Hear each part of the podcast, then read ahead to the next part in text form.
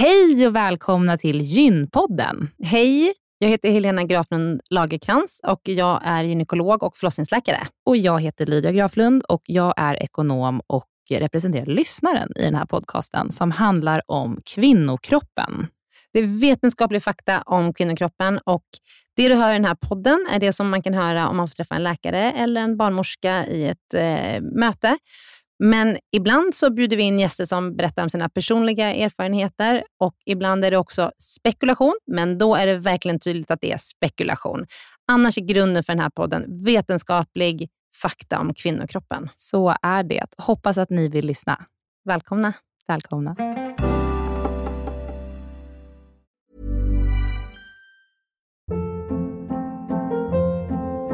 Hold up. What was that? Boring. No flavor. That was as bad as those leftovers you ate all week. Kiki Palmer here, and it's time to say hello to something fresh and guilt-free. Hello Fresh. Jazz up dinner with pecan-crusted chicken or garlic butter shrimp scampi. Now that's music to my mouth. Hello Fresh. Let's get this dinner party started. Discover all the delicious possibilities at hellofresh.com.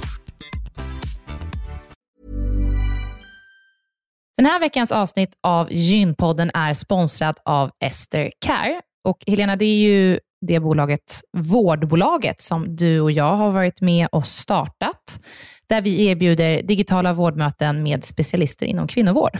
Precis. Och vi vet att det är väldigt mycket vårdpersonal som lyssnar på Gynpodden, vilket vi är jätteglada för.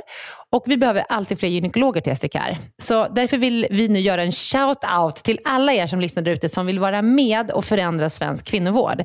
Vi söker specialister inom gynekologi, men också ST-läkare som har kommit en bit in i sin ST och som vill arbeta digitalt eh, med handledning på, hos oss på STKR. Mm. Och precis som det är för våra patienter som kan söka vård hos oss, det vill säga att de kan bo vart som helst i landet eftersom vi är digitala. Om man laddar ner appen och så bokar man ett vårdmöte, så kan ju även läkaren bo vart som helst i landet eller flytta under tiden man jobbar hos oss. Det är ju väldigt, väldigt flexibelt eftersom eh, man jobbar hemifrån. Och Jag tänker att det måste ju också vara helt underbart att som läkare kunna arbeta hemifrån och planera sin egen tid några dagar i veckan. Ja, verkligen. Och samtidigt vara med och förändra kvinnovården med kollegor som är otroligt drivna och engagerade. Det är jätteroligt att jobba på SDKR. Och jag tycker att det här är en häftig grej som vi gör just nu, att vi erbjuder gyn, äh, gynvård i hela landet. Och vilka är de vanligaste patientmötena du tar, Helena? Ja, men det är ju klimakteriet, eh, PMS, eh, mensbesvär. Och det är ju såklart Eh, ärenden och eh, diagnoser som går att hantera digitalt. Men vi remitterar också vidare när det behövs mm. Eh, och tar labbprover när det behövs mm. och så vidare. Mm. Så gå in på sdcare.com, klicka på jobba hos oss i menyn för att läsa mer och skicka in en ansökan. Tack så mycket. Tack och välkomna. Hej och välkomna till Gympodden. Hej, välkomna. Helena, idag så ska vi prata med en gäst som har varit här tidigare och mm. som mm. gav oss jättemycket bra råd kring fysisk aktivitet. Mm. Och Vi ska prata om någonting som ligger mig otroligt nära om hjärtat för att eh, jag vet hur svårt eh, eh, det är för många kvinnor att få till träning och en hälsosam livsstil i dagens liv och dagens liksom, snabba eh, vad ska man säga, tempo i samhället. Och eh, Det är så otroligt många kvinnor, och män för den delen, som eh, inte lever på det sättet som man vill. Och Man vet ju att det inte är nyttigt att vara överviktig och man vet att det inte är bra att inte träna. Men hur ska man träna och eh, vad, vad, har det, vad, har vi för liksom hälsovinster med en fysisk aktivitet?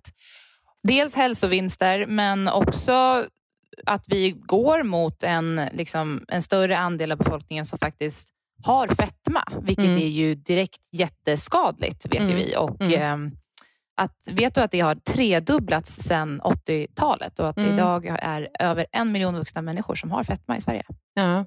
Och det, när, man, när man pratar om övervikt och fetma, då använder man det här som heter BMI. Det står för Body Mass Index och det uttrycker förhållandet mellan vikt och längd. Och Det är ett otroligt trubbigt verktyg, men det är det vi har. För jag menar, En person som är supervältränad och kanske är, jag menar, en bodybuilder har ju ett jättehögt BMI, för den har ju så otroligt mycket muskler. Och Det är klart att det går ju inte att översätta eh, ett högt BMI till eh, övervikt och fetma i alla fall. Men om man tittar på i generella termer och på den stora liksom, gruppen människor så är det ändå någonting som går att applicera och som vi kan liksom utgå ifrån. Det är i varje fall det enda vi har för tillfället. Sen har det ganska nyligen Lydia varit en diskussion om, liksom, som var i media här under hösten, eller under senhösten, om att hur farligt är det att ha ett högt BMI om man ändå lever hälsosamt och tränar och sådär. Så, det, är så här, det är klart, vi vet inte allt eh, ännu och det forskas väldigt mycket på det här och det kommer vi nog också få tillfälle att komma tillbaka till tror jag. Men det jag skulle bara vilja säga innan vi kör igång och introducerar dagens gäst är att övervikt det innebär ett BMI mellan 25 och 29,9 och fetma innebär ett BMI 30 eller högre. Så då har ni där vad, vad vi hänvisar till.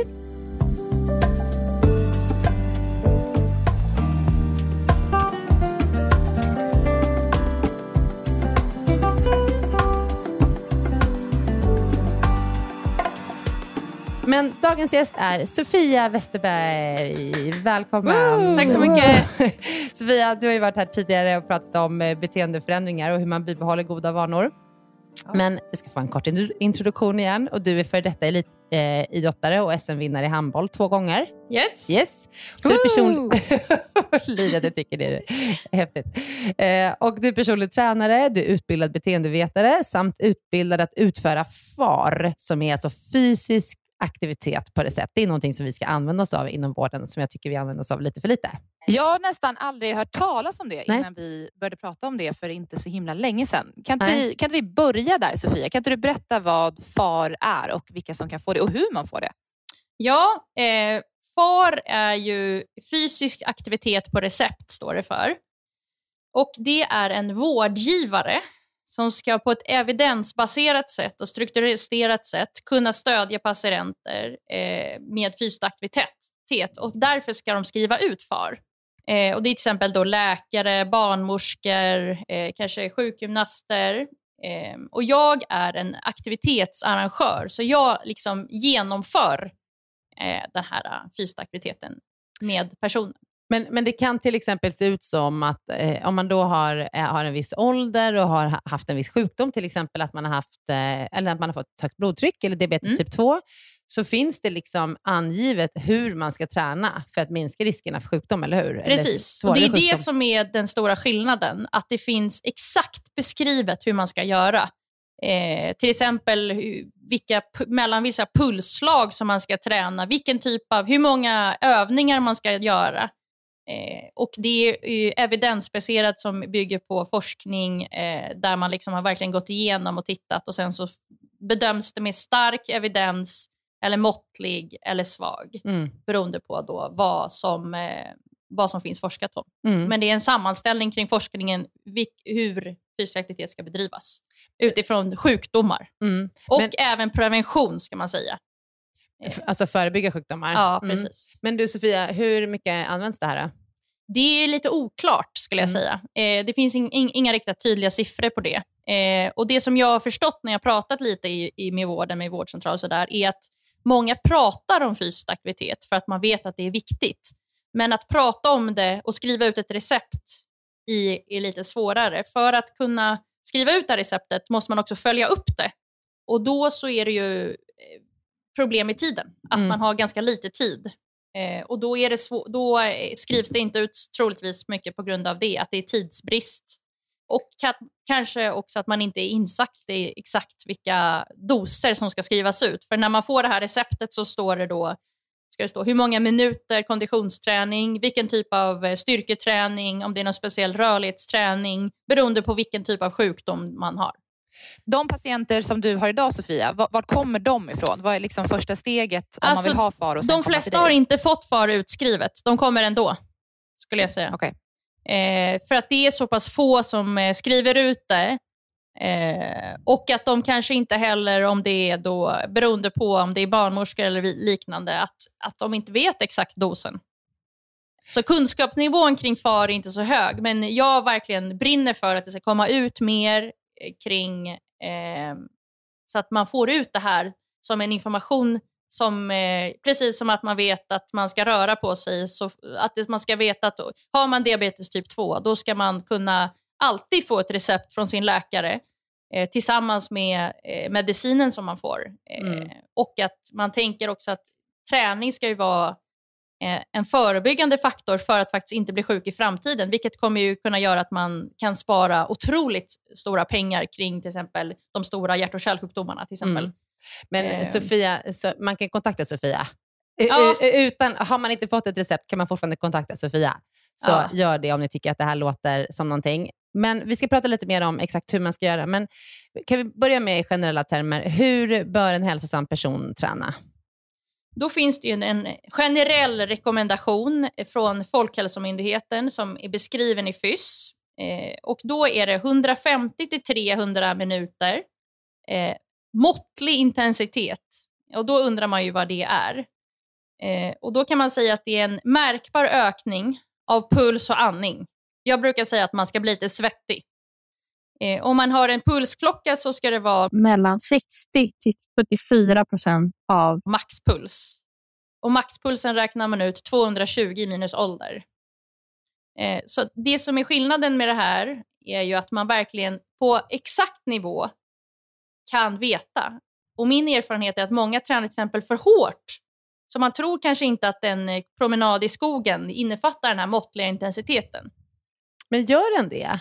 60 procent. Av maxpuls är ganska lite skulle jag säga. Ja, och Sen beror det på såklart vilken eh, nivå man är. Och om man har en eh, låg eh, fysisk aktivitet så kommer man ju tjäna ännu mer på det här jämfört med om man är väldigt vältränad. Eh, så där finns det ju olika faktorer som påverkar då på vilken nivå. Och så är det ju alltid, desto mer vältränad man är, desto högre belastning måste man ha. Eh, och där är ju oftast jag med att titta på vilken nivå går man in på. För de här rekommendationerna, de kanske man inte kan möta på en gång. Utan man brukar säga att allt är bättre än inget. Det är min utgångspunkt. Om man inte alls tränar eh, och vill börja träna, då ska man börja försiktigt. För att det är stor risk att man kan bli skadad eller få ont, vilket gör kanske i sig att man inte kan fortsätta. Eh, så där är också Så vad viktigt. betyder det här om man, om man bryter ner det på en vecka? Det, vad är det, typ två och en halv timme per vecka? Så att kanske tre ja, träningspass i veckan? Precis. Och det som man också pratar om är 75 till 150 eh, minuter. Hög intensitet. Och då ska pulsen ligga på 75 till 94 procent av eh, maxpuls. Eh, och sen så rekommenderar man även eh, 7000 steg. Eh, och där har de sett då att det är, när man har tittat på eh, forskningen så har de ju mätt lite olika från 4000 till 18 000 steg. Att det här är någonstans mitt emellan. Men man brukar också säga att mer är bättre. Okej, okay, men minst 7000 steg per dag? Ja, mm. precis. Men, men hur kan en, en, vanlig vecka se ut då för en person som, som ska träna hälsosamt? Om vi bryter ner det till liksom aktiviteter och inte minuter. Eh, då kan det ju till exempel vara om man cyklar till jobbet. Det är en väldigt bra sak. Eh, och Jag tänker att det, det, står inte beskrivet kring hur den här eh, 300 till, eller 150 till 300 minuter ska doseras.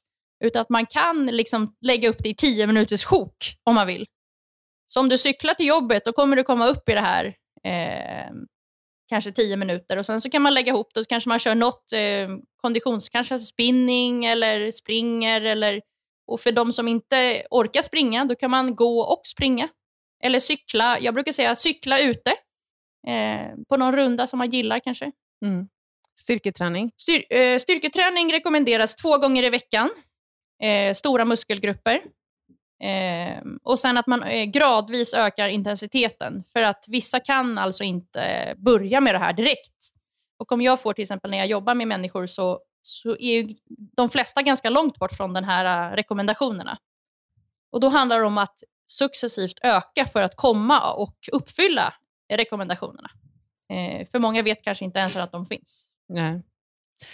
Så, ehm. så summa summarum, hur många gånger ska man eh, röra på sig, alltså springa eller gå eller cykla i veckan och hur många gånger ska man styrketräna i veckan? Men det, det, spelar, det spelar ingen roll hur många gånger. Det, man kan ju inte säga att man ska göra det x antal gånger utan du ska räkna minuter. Ja, men bara för att ge en referens. Men om man, om man omvandlar det liksom så att man bara förstår vad det betyder för eh, en, en vardag. Liksom. Hur, liksom, betyder det att man om, man, om man cyklar varje dag till och från jobbet och så styrketränar man två gånger. Är det ungefär det vi pratar om här? Om, om man eh, ja, det skulle jag säga. Om, eh, om cyklingen inte bara är fem minuter. Eh, för det, det här 60 procent av maxpuls, för de flesta är inte det särskilt mycket. Eh, så att cykla och förflytta sig eller promenera eh, om man går lite mer, mer varierad terräng räknas också. Eh, som, men sen om man vill eh, köra lite hårdare så kan man ju ta 75 minuter eh, hårdare eh, och då kan man ju ta två löppass. Ett som är 30 minuter och ett som är liksom 30 minuter till som man absolut kommit upp i dos.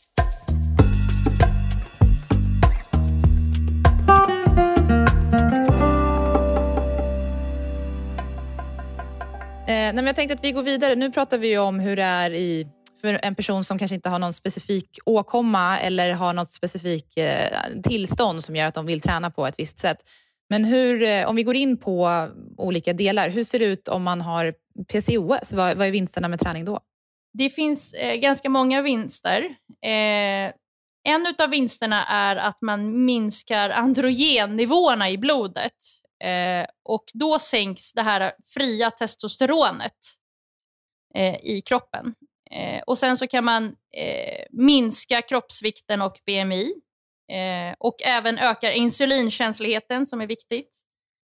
Eh, och Denna grupp har ju också lite ökad risk för fetma och övervikt och även ökad risk för diabetes typ 2. Och Därför är det väldigt viktigt då med träning. Eh, och För den här gruppen så rekommenderas eh, måttlig intensitet 300 minuter Eh, så det är lite mer än för, en, eh, de, för, de, eh, för vuxna generellt. Och för, för vuxna generellt var det 150 till 300? Ja, så precis. Det här, är det Men det här är det övre spannet och även 150 minuter. Och man kan kombinera eh, 150 minuter i hög intensitet. Okej, okay, så antingen 300 måttlig eller 150 minuter mm. hög intensitet? Men det bästa är att växla mellan. Att man har lite mer högre och sen lite måttlig intensitet. Okej, okay, ja. Eh, och Sen så ska man också kombinera styrketräning två till tre gånger i veckan. Eh, och Där rekommenderar man eh, 8 till 12 repetitioner, en till tre set eh, och sen så 8 till 10 övningar per gång. Så det här är ju det, är det här som är så intressant och det är det här mm. som så få vet om, att det finns ju fakta och vetenskap kring hur vi ska träna vid Exakt. specifika diagnoser. Och det här är jättesvårt att komma ihåg efter den här ja. podden, så det behöver man inte komma ihåg i huvudet. Men det man ska få med sig härifrån är att det finns rekommendationer. Så Precis, att man det vet. finns väldigt tydligt på, ja. på en, en, exakt nivå vad man ska göra. Så ja. det är det som är viktigt att komma ihåg. att man behöver inte uppfinna hjulet och fundera på vad man ska göra, utan här finns det verkligen fakta som mm. är rejält underbyggd med forskning kring vad man ska göra och på vilket sätt. Mm. Ehm. Och det minskar symptomen då för, som man har om man, om man har PCOS? Eh, ja, på, det påverkar symptomen. Ja, alltså det påverkar symptomen. Man kan få tillbaka regelbunden mens om man ja. kommer igång och träna. Mm. Man, kan, man ökar ju då sin, sin chans till en, att kunna bli gravid, om det är det som är målet. Mm. Och sen så framförallt så minskar det långtidsriskerna. Ja, för det är ju, det, man har ju en lite ökad risk för eh, metabola syndromet med högt Exakt. blodtryck och, högt, och, högt, eh, och diabetes typ 2 om man har PCOS. Så superviktigt med träning under PCOS. Men jag tänker, eh, en annan grupp är ju Eh, om man är överviktig och går in i en graviditet så mm. har man ju också lite ökad risk för komplikationer i den graviditeten. Hur ska man tänka kring träning där? Där är det eh, graviditetsrekommendationerna som är, det finns ett starkt stöd kring att man kan både förebygga överdriven viktuppgång eh, bland kvinnor som blir gravida. Då. Och då finns det en speciell rekommendation för gravida mm. och det gäller eh, under och efter graviditet. Och Då pratar man om 150 minuter eh, måttlig intensitet. Okay. Sen så kan det vara bra att tänka på att eh, pulsen förändras under graviditeten eftersom man ökar med blodvolym. Så man behöver inte stirra sig blind på pulsen utan man tänker att man får upp eh, flåset med ökad puls och andning. Men att det kommer ju upplevas på ett annat sätt om man har tränat före och under graviditet. Eh, så där kanske inte pulsen är jättevägledande utan mer att man man blir varm och eh, ökar puls och eh, andning. Men och, eh, en otroligt vanlig fråga är ju, är det farligt att träna under graviditet? Och, ja, det är det ju verkligen inte. Det nej. rekommenderas. Ja. Eh, och det, fysisk aktivitet under graviditet eh, minskar risken för havandeskapsförgiftning, högt blodtryck, överdriven viktuppgång, depression och sen min, minskad eh, nedstämdhet och oro. Så det finns ju jättefina underlag på eh, att, att, man, att man ska träna. Eh, att det är väldigt bra och jag brukar rekommendera liksom att har man inte tränat innan bli, man har varit gravid så är det här ett ypperligt tillfälle att sätta igång med en ny trevlig vana. Liksom. Ja, och det är ingen ökad risk för missfall om man börjar träna tidigt i graviditeten? Nej, det är snarare bra skulle jag säga om man tänker Mm. till exempel på havandeskapsförgiftning så att man sätter igång. Sen så kanske man inte orkar träna, men då kan man återigen utgå från att eh, allt är bättre än inget. Man gör mm. det man orkar. Mm. Eh, så att man har den utgångspunkten. Life is full of what ifs. Some awesome. Like what if AI could fold your laundry? And some, well, less awesome. Like what if you have unexpected medical costs? United Healthcare can help get you covered with Health Protector Guard fixed indemnity insurance plans. They supplement your primary plan to help you manage out of pocket costs. No deductibles, no enrollment periods, and especially no more what ifs. Visit uh1.com to find the Health Protector Guard plan for you. Quality sleep is essential. That's why the Sleep Number Smart Bed is designed for your ever evolving sleep needs. Need a bed that's firmer or softer on either side? helps you sleep at a comfortable temperature? Sleep Number smart beds let you individualize your comfort so you sleep better together. JD Power ranks Sleep Number number 1 in customer satisfaction with mattresses purchased in-store. And now, save 50% on the Sleep Number limited edition smart bed for a limited time. For JD Power 2023 award information, visit jdpower.com/awards. Only at a Sleep Number store or sleepnumber.com. Den här veckan så är Gynpoddens avsnitt sponsrat av hemsidan mittpreventivmedel.se som är en informationshemsida gjord av Bayer. Mm. Och vi har pratat om den tidigare i avsnitt eh, om att eh, det finns olika tester du kan ta, eller det finns ett test du kan ta. Du kan också gå in och jämföra olika preventivmedelsmetoder för att se vilka som är bäst för dig och du mm. kan titta på en film där mm. du kan förbereda dig inför att du ska träffa barnmorska eller gynekolog och skaffa ett preventivmedel. Men det vi skulle vilja berätta om idag, det är att det finns också då eh, på mittpreventivmedel.se så finns det en bra lathund om man råkar glömma ta sitt p-piller, eftersom det beror ju lite på liksom när i kartan som du glömmer att ta ditt piller. Mm. Och Då kan du gå in under rubriken “Känner du igen dig?” så finns det en rubrik som heter “Undvika oplanerad graviditet”. Mm. Och Där är listat sådana här saker då som kan hända. Att mensen är sen, du har glömt att ta p-pillret, behov av akut p-piller och kondomen gick sönder. Mm. Ja, du vet Lydia, olika saker som kan hända mm. som ändå gör att man blir sjukt orolig och behöver få information om vad som kan hända.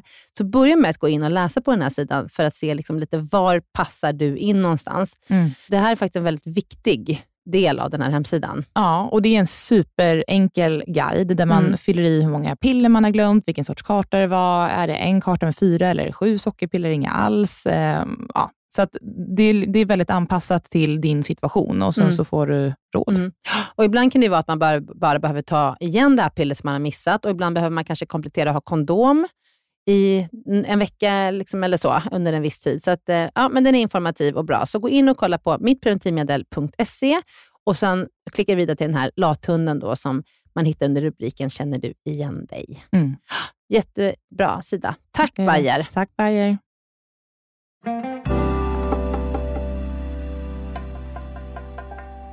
Och, och Det här med, med graviditet och komplikationer. För eh, Om man till exempel har en ärftlighet för havandeskapsförgiftning, mm. eh, då kanske det är lite sent att börja träna när man har fått sin havandeskapsförgiftning senare i graviditeten. Hur ska man tänka då? då? Då ska man, eh, det, man, man ska ju helst eh, börja de här mellan vecka 1 och vecka 20. Eh, och Det är det som beskrivs i FYSS. Eh, för man, det finns ju ingenting som säkerställer att man inte får havandeskapsförgiftning, men det är benämnt i FYSS att, att det ska minska risken. Vad är FYSS? Eh, FYSS det är fysisk aktivitet på recept eh, och det är en bok som eh, har ungefär eh, 600 sidor kring bara träning och hur man ska göra. Mm. Och lika som med graviditetsdiabetes, alltså, har man väl fått graviditetsdiabetes så är det ju superviktigt att träna. Men Precis. det är ju ännu bättre att börja tidigt så att man kanske till och med slipper få graviditetsdiabetes.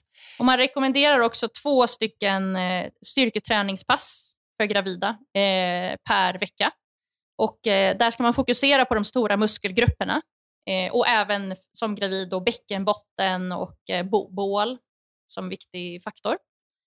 Eh, och sen så En annan sak som är viktig som man även rekommenderar totalt sett, det är att begränsa stillasittandet. Att man försöker inte sitta stilla under längre perioder, att man faktiskt rör sig över tid och att man inte liksom bara sitter. Mm. Mm. Eh, så det är också Graviditetsdiabetes, är mm. det tillfälligt under graviditeten? Eller är, är det att kvinnor får diabetes då och sen har man det? Ja, det är oftast så går det tillbaka efter, eller jag skulle säga att det i stort sett alltid går tillbaka efter graviditeten. Man får ju då diabetes under graviditeten. Sen finns det ju de som har, graviditet, eller som har diabetes innan. Den har man ju såklart också under graviditeten. Men om man får diabetes under graviditeten så går den över efter när man har fött barn. Men det är ökad risk att få typ 2-diabetes när man blir äldre. Så det är liksom en liten förvarning att här gäller det att vara uppmärksam och att eh, ha, ha en livsstil som minskar risken att man får det senare i livet. Och en viktig sak som jag brukar rekommendera till kvinnor som får graviditetsdiabetes, det är till exempel att göra knäböj.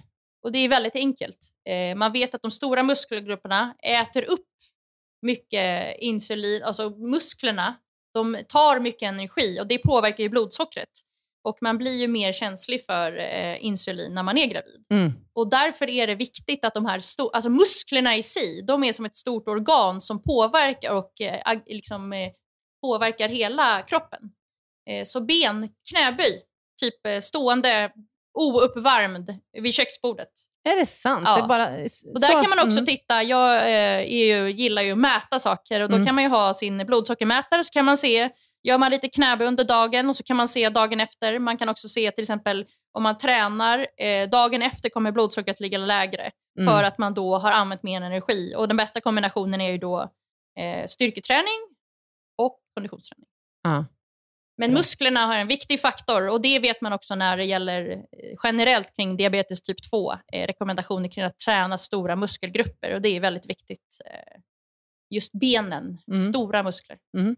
Ja, men jag tänkte precis bara säga det, att jag brukar tänka att om det är någonting jag ska träna den här veckan, alltså om jag, inte, om jag känner att jag inte har motivation att träna, just som vi har pratat om i, i förra avsnittet när vi pratade om att bibehålla en god vana också, då är det just benen. Alltså att man känner att man, att man tränar låren och rumpa. För det känns nästan som att, att det har verkligen störst effekt på kroppen. För just för att de är, det är så stor del av kroppen. Precis. Ja, jag brukar säga eh, om man ska välja något så eh, den bakre kedjan av kroppen, alltså ryggen, eh, benen och rumpan är verkligen det man bör prioritera mm. muskelgruppsmässigt. Om man ska välja bara under en vecka vad man ska göra.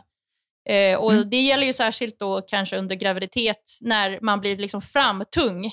Att man fokuserar på den bakre kedjan, alltså ryggen, rumpan, vaderna som hjälper att trycka upp eh, blodet och kanske vätskan i kroppen. Eh, så där är det jätteviktigt.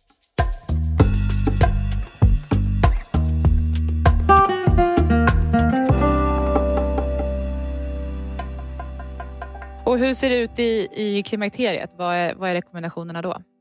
Där är rekommendationerna eh, 150 minuter måttlig intensitet, eh, 3 till 7 gånger i veckan. Eh, och sen eh, hög intensitet, 75 minuter. Eh, plus, och, alltså 150 plus 75? Ja, man kan välja. Alltså okay. antingen, det är, eh, man ska ha en måttlig intensitet och sen så det bästa är att ta lite både, av, både och. Okej. Okay. Eh, och sen så ska man då köra eh, två till tre gånger i veckan muskelstärkande, två till tre set, eh, repetitioner 8 till 12 och eh, 8 till 10 övningar. Eh, och det här har man då sett eh, påverkar eh, temperaturregleringen, alltså minskad risk för att få eh, vallningar Mm. Eh, för det på påverkar neuron i hjärnan. Och Det är det som är kul tycker jag när man kan titta på vad är det som händer med kroppen. Alltså det reglerar, träning reglerar hormonerna. Eh, och eh, Det påverkar den här termostaten i hypotalamus inne i hjärnan som reglerar vallningarna. Eh, och Sen så blir man också mer stresstålig. Eh, och man får den här bättre toleransen både mot eh, värmekänsla och stress som sker i kroppen. Eh, och sen så eh, förbättrad livskvalitet och också som är, kan vara ett problem under klimakteriet är ju sömnen. Att det påverkar sömnen på ett positivt sätt. Eh, och sen så tycker jag när man, eh, klimakteriets eh, medianålder är 51 till 52 år. Och jag brukar rekommendera att man ska sätta eh, rutinerna och vanorna eh, redan innan den här åldern. För att det kan vara lite stökigt innan, mellan 40 och 50. Eh, då är, hormonerna de ändras ju inte plötsligt, utan de ändras ju över tid. Och kan man då ha satt ett, liksom ett mönster för goda vanor där man eh, även får in kanske lite mer återhämtning, eh, för man kanske inte kan träna på samma sätt när man eh, eh kommer in i klimakteriet eller att man sover dåligt eller det finns många olika problem som man kan få. Så måste man titta även på återhämtningsbiten. Man kanske inte orkar träna lika hårt. Men man behöver också, jag tycker också att styrketräningen är en viktig del. För sen efter klimakteriet så ökar risken för till exempel benskörhet. Eh, och då är det väldigt viktigt att man belastar eh, muskulaturen som även påverkar benvävnaden. Eh, så där finns det också eh, viktigt. Och där finns det också en speciell inom fys, fys eh, då, fysaktivitet på recept, hur man ska träna vid benskörhet. Hur ska man träna vid benskörhet? Eh, då, det gäller också att det är, eh, man belastar kroppen mm. på ett liknande sätt som för vuxna. Eh, och konditionsträningen är där inte lika viktig. Men eh, beroende på om man då har fått osteoporos, eller det finns också som heter benskörhet, men det finns också något som heter förstadiet peni. Eh, osteopeni, alltså ja, när man precis. börjar ha lite skört, eh, skört ja, skelett. Mm. Eh, och då får man ju titta på om man kan belasta kroppen lika mycket. Så där får man ju vara lite försiktig, för det finns ökad risk för kodkompressioner till exempel. Just det. Eh, mm. Så där måste man eh, titta på varje enskilt fall för att se. Eh, mm. Men belasta muskulaturen som i sin tur belastar benvävnaden. Mm. Det är viktigt. Mm. Men fysisk aktivitet motverkar benskörhet?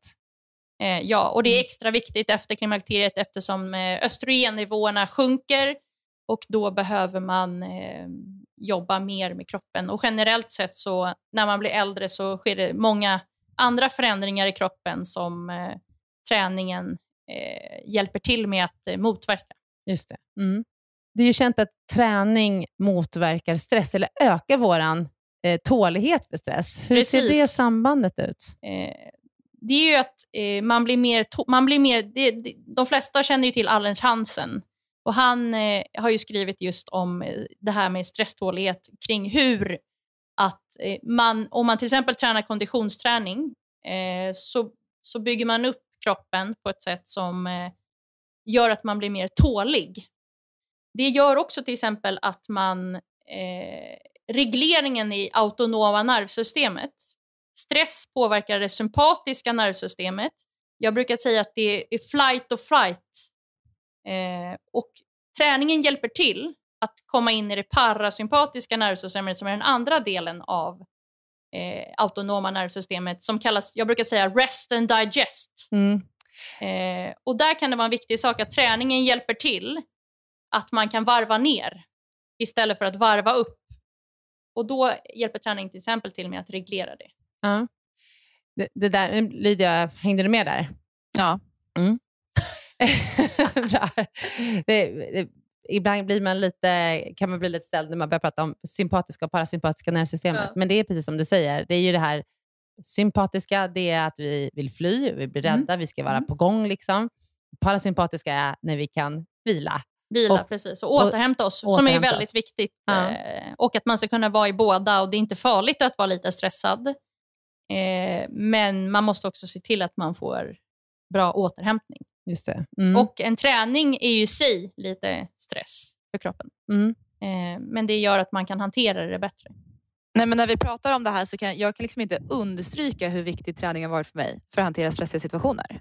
Det, Helena, jag tror att du känner likadant. Mm. Alltså, att, att gå ut och springa när man mår dåligt, det är, ju, det är som natt och dag innan och efter.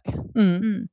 Mm. Men det hjälper ju, kroppen hjälper till att reglera hela kroppens system med kärl, hormoner, eh, liksom med välbefinnande, dopamin, alltså alla sådana saker som påverkar kroppen på ett positivt sätt. Så att, eh, eh, jag rekommenderar såklart träning till alla. Mm, mm. Men eh, alltså, fysisk aktivitet ger ju en direkt på sekunden effekt Precis. på Man stress. brukar prata om eh, omedelbara effekter. Mm. Så att, eh, absolut, det är helt fantastiskt. Mm. Eh, Så eh, har man en superstressig och intensiv period, då är det Mm. ännu viktigt att lägga till ett träningspass till. Det låter ju helt omöjligt, men det kommer ju kanske att rädda den perioden. Ja, Mm. jag har faktiskt många, eller flera kunder genom åren som har jobbat så här 60-70 timmar i veckan, har ändå då lagt kanske tre till tre gånger i veckan på träning. Och det är kanske det som i sin tur gör att de klarar av den här stressiga perioden och inte då går in i väggen till exempel. Nej.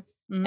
Eh, för att träningen hjälper till med att växla i systemet och att man hjälper till att man ska kunna slappna av bättre när man ska kunna slappna av. Och sådär. Så att,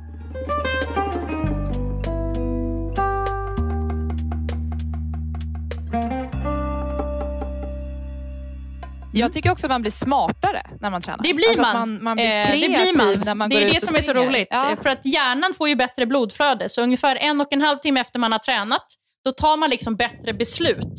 Och Det är därför också som jag brukar rekommendera att eh, till exempel barn ska cykla till skolan. För då får de en vassare eh, koncentration när de väl kommer till skolan. Eh, Och även då varför det är väldigt smart att förflytta sig genom att gå eller cykla till sitt jobb. För att man då har en bättre koncentration när man väl ska sitta på jobbet.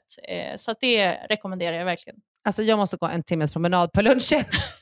Ja, men jag tänkte precis säga det. Hur sugen är du just nu på att gå och träna efter det här? Alltså jag, jag, känner, jag, jag, jag har inte med några träningsgrejer här till, till jobbet, men jag känner att jag kan ju lätt gå en timmes promenad på lunchen. Underbart, det ska jag göra. Men kan vi prata om lite när träning får för mycket utrymme i livet? Eh, du nämnde här innan vi började po- podda om något som heter ortorexi. Ja, precis. Eh, Det är en relativt ny ätstörning eh, där det blir tvångsmässigt liksom, att man är, äter övernyttigt och det gäller både mat och träning. Och Då kan det ju handla om att man känner ett tvång av att man måste genomföra passen, att man måste äta på ett speciellt sätt och man kan liksom inte äta en bulle. Och Då blir det ju att eh, hela eh, tanken med träning att det ska vara positivt, att det blir en tvångsmässig sak till slut. Eh, och att om man missar så kan det typ leda till till exempel ångest och depression. Eh, så där är det ju, det kan också vara en problematik som jag har mött också, att man tränar för mycket och att man har en Mm. relation till träning som är för tvångsmässig. Där man inte får in Mm. återhämtning och att det är, är, är mer ångest i, i, i liksom relationen till träning om man inte genomför det. Och det vill man ju inte heller att det ska bli. Vad brukar du rekommendera de patienterna som, som lider av det? Jag, jag tror att många kan känna igen sig i det även om man inte mm, tänker att man har eh, ortorexi. För jag tänker mig en bild av någon som är enormt vältränad och eh, har väldigt lite underutsfett och är ganska manisk kring det. Men, men vi pratade lite om det här i förra avsnittet att man, att man kan känna, jag vet många, att mina, att många av mina vänner där också kan känna så här, att man får någon sorts prestation eh, relaterad till träningen och att den inte läng- längre blir härlig då utan att man blir lite manisk kring att genomföra den. Vad Mm. brukar du ge för råd kring det?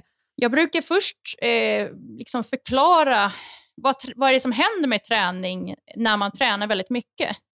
Eh, till slut så brukar det vi, om man tränar för mycket, att man får sämre resultat i träningen. Man kanske blir skadad. Eh, eller så drivs träningen av någon form av grundläggande botten av ångest, av att man måste maniskt träna. Och Då brukar jag rekommendera att man ska fundera på vad är det som eh, driver eh, det här. Och Det kan ju vara väldigt svårt till en början att förstå varför. Varför man eh, känner att man måste. För Jag brukar alltid fråga så här, men vadå om du måste, eh, vad beror det på då i sådana fall? Eh, Så där är det mer utifrån ett psykologiskt perspektiv där man måste fundera på varför gör man det här? Sen så finns det ju sådana till exempel diagnoser som ADHD där man kanske har en, eh, ett stort rörelsebehov, att man måste, känner att man måste, måste röra sig. Eh, och att man har liksom en oro i kroppen och den dövar man genom att röra på sig. Så Mm. där kan det finnas sådana bak, bakomliggande orsaker som, man kan, som kan bero på det. Stämmer det att man helst ska gå 10 000 steg per dag? Det känns ju som någonting generellt som eh, många eftersträvar. Ja, eh, det som eh, fysisk aktivitet på recept-boken rekommenderar, eh, som bygger på forskning, eh, då står det 7000 steg. Men man brukar säga att eh, mer är bättre. Så att, eh, jag tycker, om, det beror på vilken nivå man ligger på, men 7000 är utgångspunkten och sen så därifrån ökar man. Och Jag brukar rekommendera för mina kunder som vill få bättre kondition och då tror folk generellt tror jag att, man, att promenader inte räcker som metod för att öka konditionen, men det gör det absolut. Eh, att man då ökar generellt stegen totalt sett kanske, man börjar med att eh, öka nivån om man ligger på 5000 så ökar man till 6000 generellt över veckan eller så har man ett veckomål där man ökar den totala rörelsen. Eh, för det kommer också främja minska stillasittandet som också är en väldigt viktig, att man ska inte sitta stilla över tid. Att det är väldigt viktigt också, att eh, det är inte bra för kroppen heller.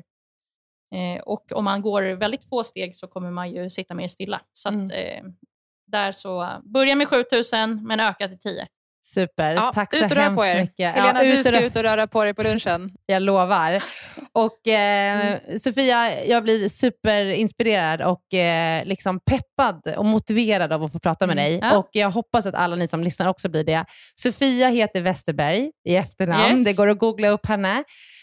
Um, finns på Instagram. Finns på Instagram. Och uh, Jag tänker också att vi på SDK kommer att uh, inom kort erbjuda mera av den här typen av behandlingar och råd och uh, inspiration för att vi vet att preventiv hälsa är så viktigt. Vi kan inte bara alltid ta hand om en person när hon har problem, utan förebygga att hon får besvär. Så håll utkik i SDK-appen och eh, ta hand om er där ute och eh, på återseende. Ha det så bra. Tack så mycket Sofia. Hej.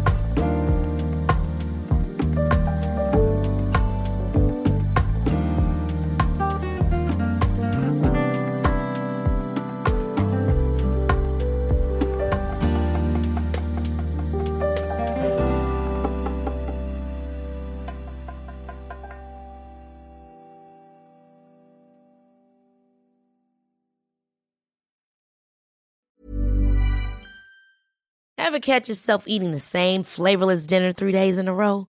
Dreaming of something better? Well, HelloFresh is your guilt-free dream come true, baby. It's me, Gigi Palmer. Let's wake up those taste buds with hot, juicy pecan-crusted chicken or garlic butter shrimp scampi. Mm. Hello Fresh. Stop dreaming of all the delicious possibilities and dig in at HelloFresh.com. Let's get this dinner party started.